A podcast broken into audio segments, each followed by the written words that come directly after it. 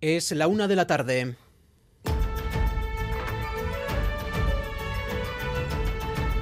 Crónica de Euskadi con Imanol Manterola.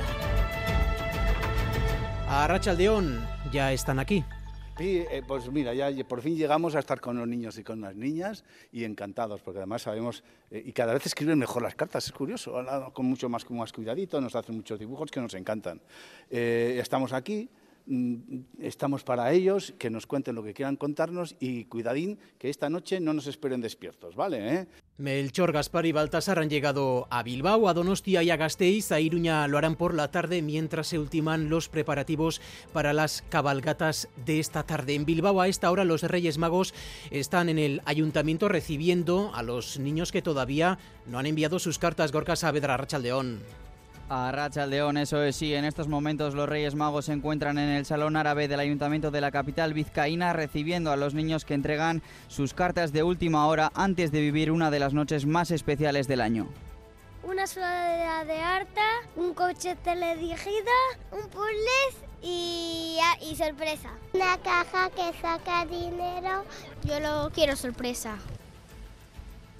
Esta recepción a los más pequeños ha sido todo un éxito, ya que los 1.500 pases se han agotado en apenas 20 minutos en Bilbao. El desfile comenzará a las 6 de la tarde en la Gran Vía y finalizará en el ayuntamiento con el tradicional mensaje desde el balcón. Y hoy, día de lluvia y cambio de planes para los Reyes en Lequeitio y Derio por el mal tiempo. Suspendidos los desfiles, los actos se realizarán a cubierto en ambas localidades. En el caso de Donostia Laida Basurto, ¿cómo han llegado los Reyes Magos? Los Reyes Magos han llegado a Donostia en funicular tras montarse en las atracciones del Monte Higueldo. A esta hora recorren los barrios donostiarras en Rolls Royce y a partir de las tres y media los niños podrán entregarles las cartas en el ayuntamiento. El desfile se hará llueva o no llueva a partir de las seis en Donostia. En cambio, en otras localidades guipuzcoanas sí han suspendido los desfiles por la previsión de fuertes lluvias. Es el caso de Orio, Urnieta, Andoain, Guetaria y Lasarte, donde sus majestades se reunirán con los niños y niñas en frontones o polideportivos y confirmamos que también han llegado a Vitoria-Gasteiz, Sonia Hernando. Actuales entren a la estación de Gasteiz donde cientos de niñas y niños les esperaban, saludaban como si fueran estrellas de rock sobre cómo van a llegar a sus casas y quién va a hacerlo. Había versiones diferentes. Yo a Mantasar, que se cae y se, y se marcha de mano.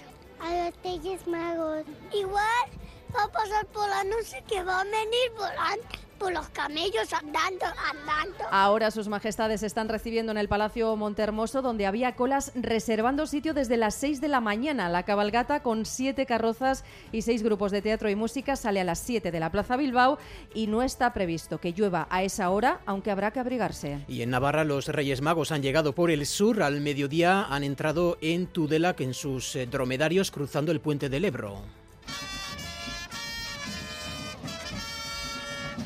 Y ya en Iruña, siguiendo la tradición, llegarán a las 4 de la tarde por el puente de la Madalena, también en Dromedario, y entrarán a la ciudad en ese momento mágico cuando bajan el puente levadizo de las murallas por el portal de Zumalacárregui. La cabalgata partirá de la calle Vejeras a las 7 de la tarde. El tiempo no va a acompañar esta tarde, ya lo han oído a nuestras cabalgatas en Bilbao y Donostia va a llover.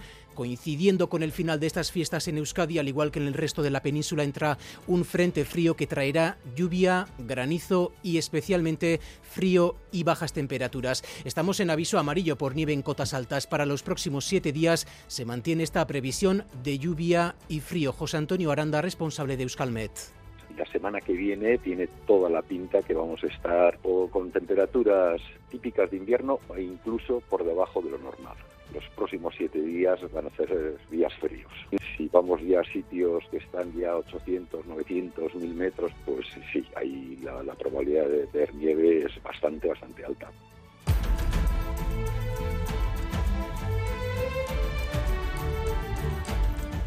Pues las maletas parece que no van a salir porque Iberia es la compañía que se encarga de las maletas y mm, contentos que salimos nosotros. Eh, les hemos convencido, creo, de que nos dejen llevar estas dos maletas en el, avión porque vamos hasta Nueva Zelanda. Una faena, sí.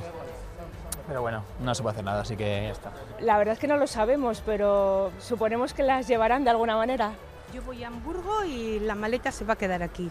No hay opción, o sea, o tienes un familiar que se lleve tu maleta y te la mande por correo postal o por correo privado, mensajería, o dejas aquí la maleta y la pierdes. No sé qué hacer, estoy pensándome qué hacer con un niño pequeño, no lo sé. ¿Y cuántos regalos se van a quedar en esas maletas? Es lo que está pasando a esta hora en Loyu. La huelga del servicio de handling de Iberia está provocando que cientos de maletas se amontonen en el aeropuerto sin que nadie las suba al avión que corresponde. Al menos una veintena de vuelos han salido sin equipaje en sus bodegas Begoña Dorronsoro.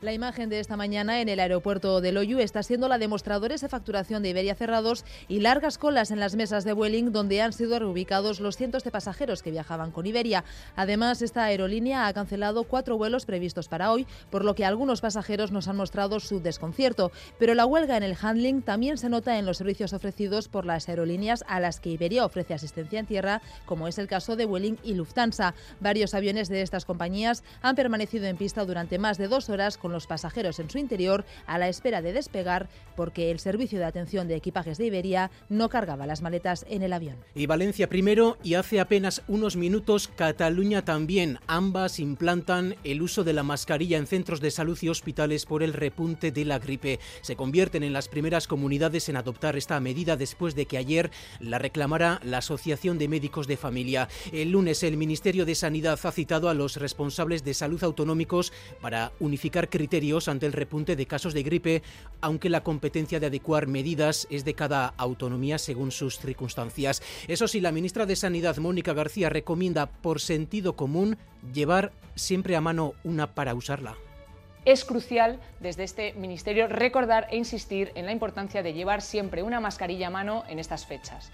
Esta recomendación es especialmente relevante en situaciones de aglomeraciones en interiores y muy especialmente en los hospitales, centros de salud y residencias de mayores. En resumen, apelamos al sentido común y les contaremos también que Willis Drummond ofrece hoy en Donostia su último concierto antes del anunciado parón indefinido de la banda. El concierto tendrá lugar en la Casa de Cultura de Inchaurrondo y también será el colofón de la gira al aire. Yurgi Equiza, cantante y guitarra, afirma que el momento dulce en que están es, entre otras razones, una buena ocasión para hacer este parón indefinido.